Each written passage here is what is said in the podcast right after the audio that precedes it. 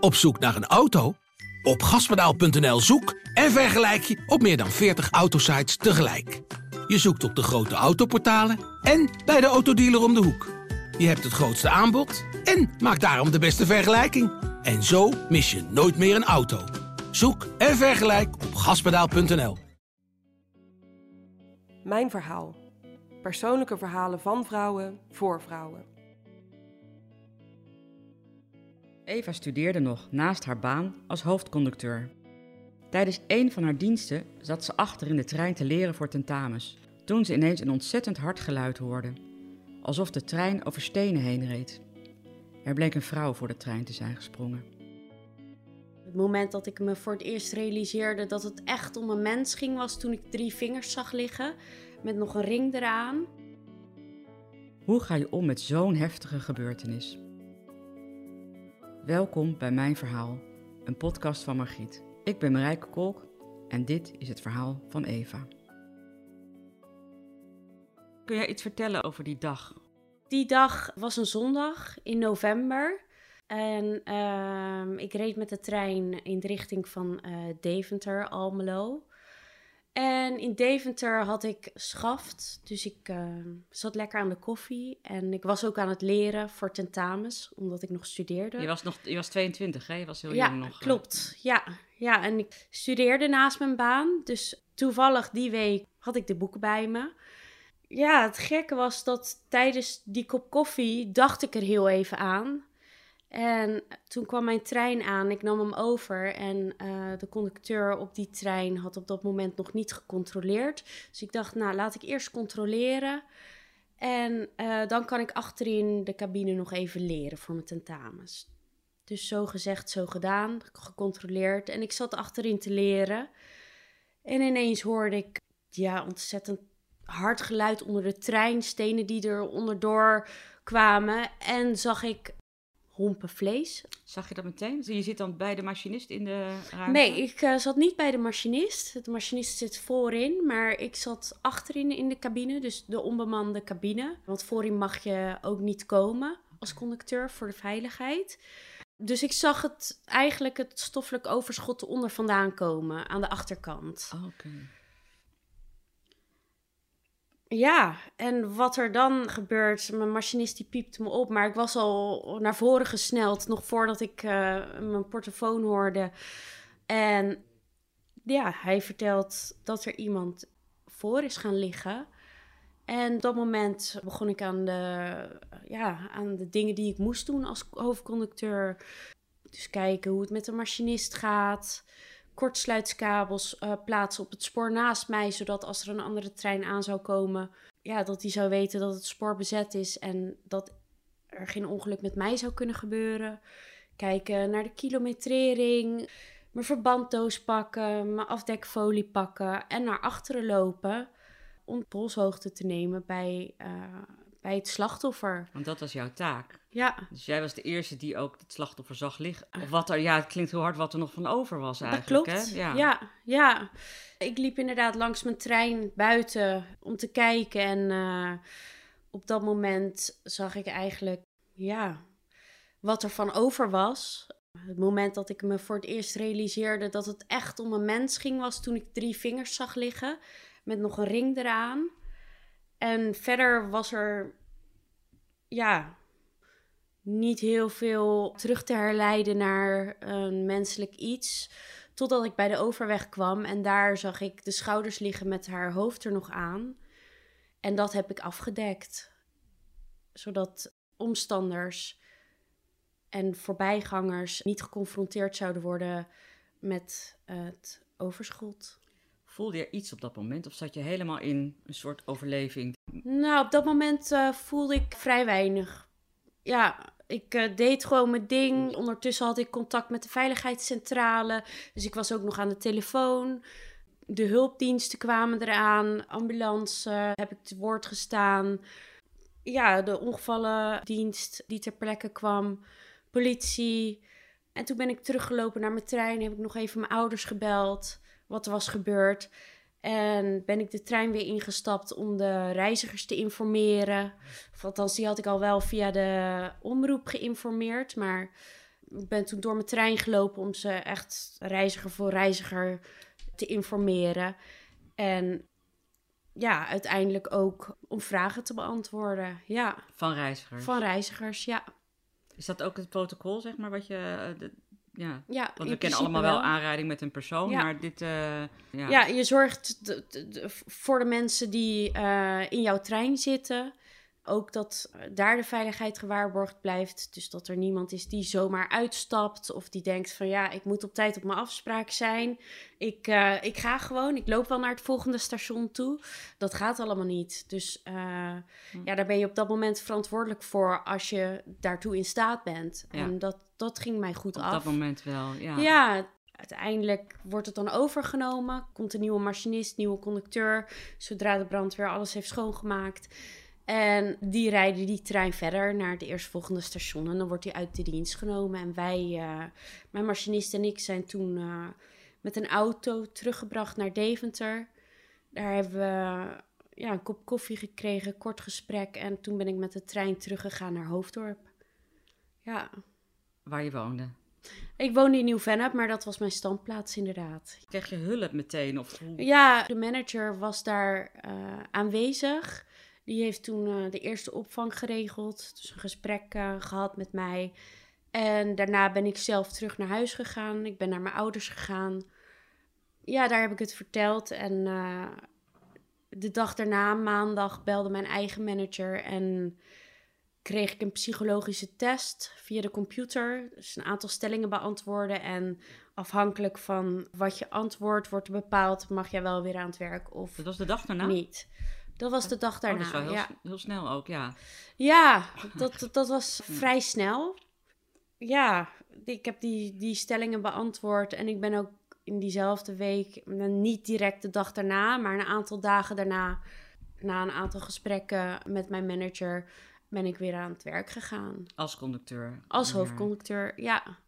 Hoe zag die eerste week eruit? Ik ben eh, met mijn manager toen naar de plaats van het ongeval gegaan, per trein. Dus we hebben hetzelfde traject afgelegd als wat ik die dag heb afgelegd. Ja, op die plek merkte ik wel dat mijn bovenlip een beetje begon te trillen. Maar verder ja, ha- had ik er gewoon niet heel veel eh, last van. En wilde ik ook gewoon weer aan het werk gaan. Dus je bent gewoon weer gaan werken. En Ja. wanneer was het moment dat je er wel last van kreeg? Dat kwam pas veel later. Ik was ook druk eh, met die tentamens. Ik heb ook mijn tentamens gemaakt de week daarna. Dus ik had ook wel andere dingen om aan te denken. Totdat een half jaar of drie kwart jaar later ik last kreeg van extreme zweetaanvallen tijdens mijn slaap. En dat ik mijn bed meerdere keren per nacht moest verschonen omdat het gewoon helemaal doorweekt was. Ik dacht dat ik ziek was, eh, lichamelijk. En heb meerdere keren bloed laten prikken waar niks uitkwam. Totdat een arts zei: Ja, ik denk dat het psychisch is. Ik verwijs je door naar een psycholoog. Daar heb ik gesprekken gevoerd en heeft een psycholoog PTSS vastgesteld. Want je had die zweetaanvallen, Mhm. maar je had nog niet herbelevingen of dingen die terugkwamen op dat moment.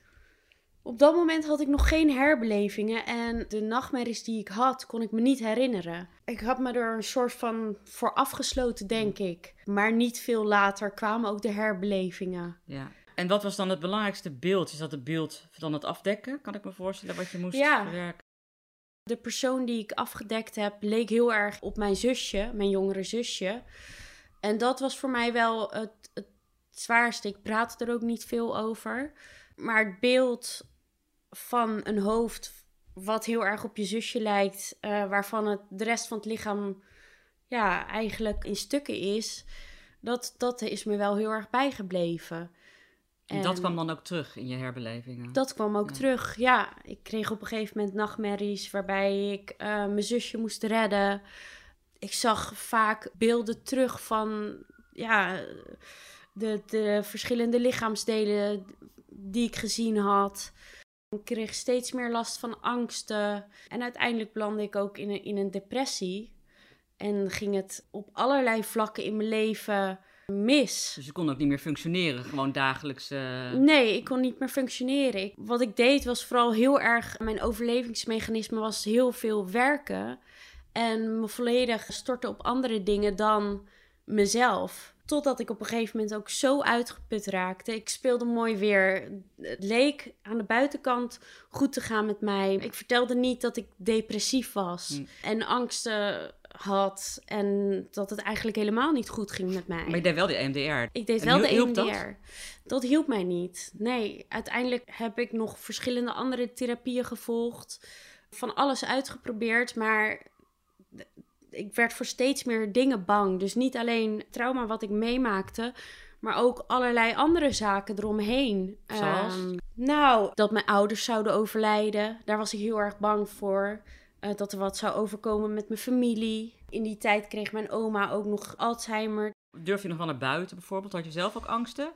Nou, op een gegeven moment, toen ik dus jaren later, dat het echt heel slecht ging met mij, dat ik ook niet meer kon werken, durfde ik ook niet meer alleen met de trein te gaan. Ja, dus ondanks de EMDR en die therapie ging het toch gewoon steeds slechter met je eigenlijk. Ja, dat Eh, klopt.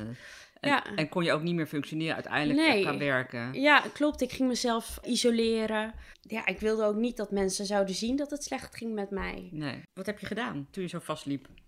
Nou, op een gegeven moment zag ik het gewoon echt niet meer zitten. En omdat er eigenlijk niks meer voor mijn gevoel goed ging in mijn leven. Ik had een slechte relatie achter de rug. Ben toen weer bij mijn ouders gaan wonen. Nou ja, ik, ik, ik kon niet meer werken. Dus er, er viel een heel groot deel van mijn sociale leven weg. Want werk was echt mijn leven geworden. Omdat ik me daarin zo erg. Ja, Daar kun eh, je natuurlijk ook heel sterk gewoon in voelen. ja, is klopt. ja. Maar toen zag ik het gewoon echt niet meer zitten. En toen ben ik zelf op het spoor gestapt. En hebben mijn collega's mij uit het spoor gehaald. Zagen die jou of heb je toch een soort noodkreet nee, afgegeven? die zagen mij. Of ik denk dat het misschien op camerabeelden te zien was. En dat de, de veiligheids- of de treindienstleider de machinist had ingelicht. Het Want is ze kwamen wel op eh, gepaste snelheid aanrijden. naar jou toe, ja. Ja, en dat was voor mij het moment dat ik eigenlijk ook niet meer kon zeggen dat het niet goed ging met mij. Toen eh, hebben ze mij eh, naar een crisisdienst, of nou ja, um, eh, met de ambulance weggebracht. En daar heb ik twee gesprekken gehad.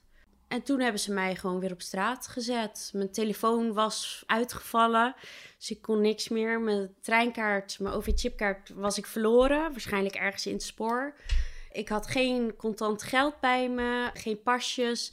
Ik had eigenlijk totaal geen middelen om veilig vanuit Amsterdam terug bij mijn ouders te komen. Toch hebben ze midden in de nacht gezegd van ja, daar is de bushalte, ga maar naar Gewoon huis. laten gaan. Ze, natuurlijk Ze hebben me helemaal gewoon laten gaan. Ja, en dat is iets wat ik op dit moment nog steeds niet kan begrijpen. Dat dat zo in de zorg gaat. Dat je gewoon niet eens tot aan de bushalte hè, eh, gebracht Nee, wordt. het schokkend hoor. midden Ja, in de nacht. Ja. Uiteindelijk heb ik de bushalte gevonden. Heb, ben ik met een nachtbus zwart gereisd naar Schiphol. Want ja, ik kon, het, ik kon niks meer.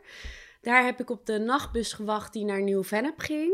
En zo ben ik midden in de nacht toch weer teruggekomen thuis. En konden jouw ouders op dat moment helpen? Ik kan me niet goed meer herinneren of ik ze echt heb verteld wat er die nacht was gebeurd. Ja, nou, wat je net vertelt, hoe ga je dan voor jezelf zorgen? Je bent niet ineens daaruit, uit dat wanhopige gevoel. Nee, toen, nou ja, mijn ouders die hebben heel goed voor me gezorgd. Echt, mijn moeder die stond altijd achter me. Die is met me mee geweest naar het werk elke keer als ik niet durfde. Zonder hen was ik er ook niet uitgekomen. Dus zij zijn ontzettende steun voor mij geweest. En mijn moeder die wilde ook echt haar dochter weer terug. En op een gegeven moment had ze ergens gelezen over Stichting Hulphond. En zat ik bij haar in de auto en vertelde ze mij ja, dat ze daar mensen hielpen die beroepsgerelateerde trauma's hadden. En die eigenlijk in de normale zorg, reguliere zorg, uitbehandeld waren. Toen dacht ik bij mezelf: ik ga het nog één keer proberen. Ik ga nog één keer proberen een therapievorm of iets dergelijks om er bovenop te komen. En ik heb gebeld en ik kon ja, vrijwel meteen terecht. Ze hadden toen een pilot lopen waar vier mensen in Nederland aan mee mochten doen. En een politieagent die viel uit. En ze boden mij die plek aan. Dus ik heb die aangegrepen.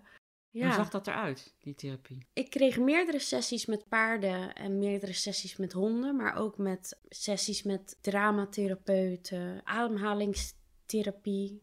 En dat heeft jou heel erg geholpen, hè? Dat heeft mij ontzettend goed geholpen, ja. Kun je iets uitleggen over wat zo'n therapie met dieren dan doet en hoe dat werkt? Voor mij was de therapie met dieren heel erg puur. De sessies met de paarden waren heel erg gericht op het terugkomen in mijn lichaam. Paarden... paarden spiegelen eigenlijk, hè? Hoe, hoe jij toch... Ja, nou, ze spiegelen niet zozeer je gedrag, mhm. maar ze voelen wel je energie en ze voelen uh, je hartslag, je ademhaling. Mm. Het zijn heel intuïtieve dieren.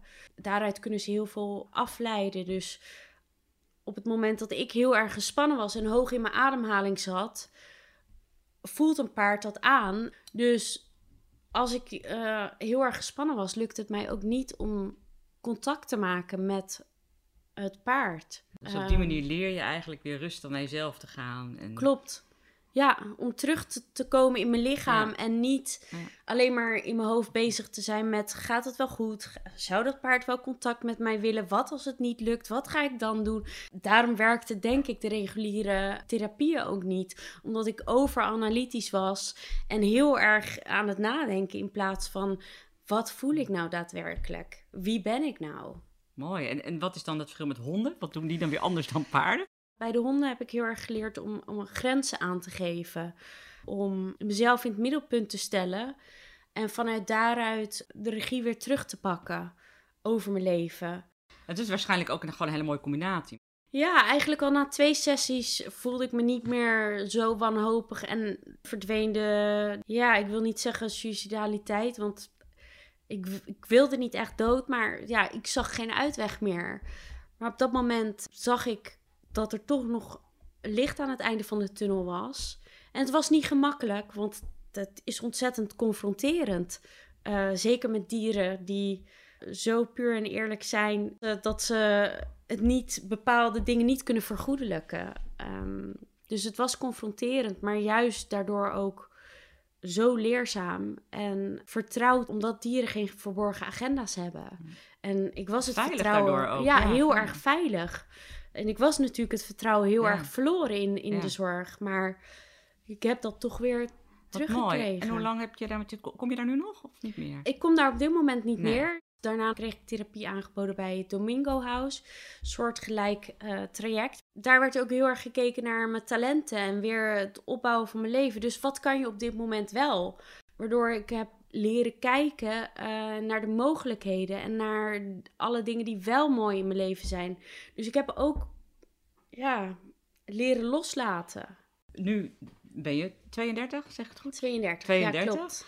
Hoe gaat het nu met je? Het gaat nu ontzettend goed met me. Ik, ik, woon weer op mezelf. Ik heb een leuk huis op Scheveningen, vlak uh, bij het strand. Nou ja, het is vijf minuten lopen naar het strand. Ik heb een hond, geen hulphond, want dat is niet nodig. Omdat de therapie zo goed is aangeslagen, was een hulphond niet nodig. Dat geeft me ook heel veel vertrouwen dat ik het gewoon zelf kan.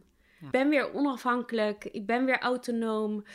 Mijn financiën zijn op orde. Ik uh, ben nog een opleiding gaan doen tot millennial coach. Dus naast dat ik afgestudeerd ben als toegepast psycholoog, heb ik me ook verder verdiept in het vak van coaching. Juist om mensen te kunnen gaan helpen en te kunnen ondersteunen in de fase in hun leven waarin ze soortgelijke dingen hebben meegemaakt.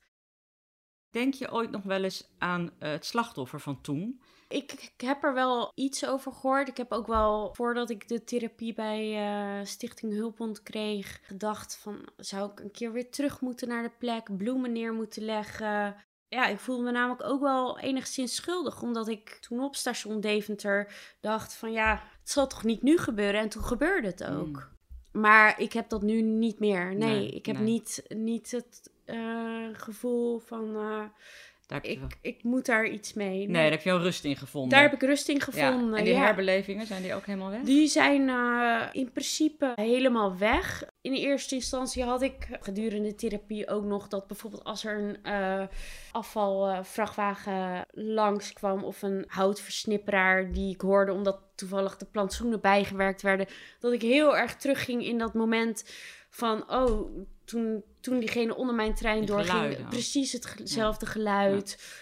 bepaalde geuren, associaties had ik heel erg, waardoor ik heel erg terugschoot in die herbelevingen. Maar dat heb ik nu totaal niet meer. Nu merk ik het wel op als, er Mhm. eh, als ik een geluid hoor, dan besef ik me wel van oké, ik denk hier nu aan en ik weet wat er is gebeurd, maar het is niet meer zo dat ik alle beelden van het slachtoffer op dat moment voor me zie, waardoor ik eigenlijk uit het moment ga en taal verzonken in dat moment weer hartkloppingen Ja. krijg, angstaanvallen krijg. Nee, Het is ik niet weet- meer zo diep. Je kan ik voel het niet meer zo nee. diep. Nee, ik kan het Ja. een soort van relativeren. Ja. Van oké, dit is er gebeurd. Ja. Dit zie ik nu. Eh, er is wel een link, omdat het hetzelfde beeld is, maar het is niet hetzelfde. Er zijn misschien mensen die luisteren die ook zoiets hebben, dergelijks hebben meegemaakt. Zou je nog tips aan mensen willen geven? Ehm, Ja, ik kan alleen maar spreken over mijn eigen ervaring natuurlijk. Mhm. Wat dat betreft denk ik dat het voor mensen zelf heel belangrijk is om aan te geven hoe je je daadwerkelijk voelt. Mm. En dat je je niet hoeft te schamen dat je iets mee hebt gemaakt en dat je daar last van hebt gekregen. PTSS is een ziekte of aandoening, hoe je het ook wilt zien. En daar hoef je je niet voor te schamen. Durf daar Over gewoon te praten. over ja. te praten en Ja. durf ook hulp te zoeken. Ja. Dat heeft mij nu uiteindelijk geholpen om, om daar gewoon eerlijk over te zijn en om geen masker op te houden van het gaat allemaal goed. Nee, het is niet iets om je voor te schamen. Worstel jij met zelfmoordgedachten? Praat erover. Neem contact op met 113 via het gratis nummer 0800 0113 of ga naar www.113.nl. Dit was Mijn Verhaal, een podcast van Margriet. We vinden het leuk als je op onze podcast abonneert of een reactie achterlaat. Wil je meer inspirerende verhalen horen? Ga dan naar margriet.nl slash podcast.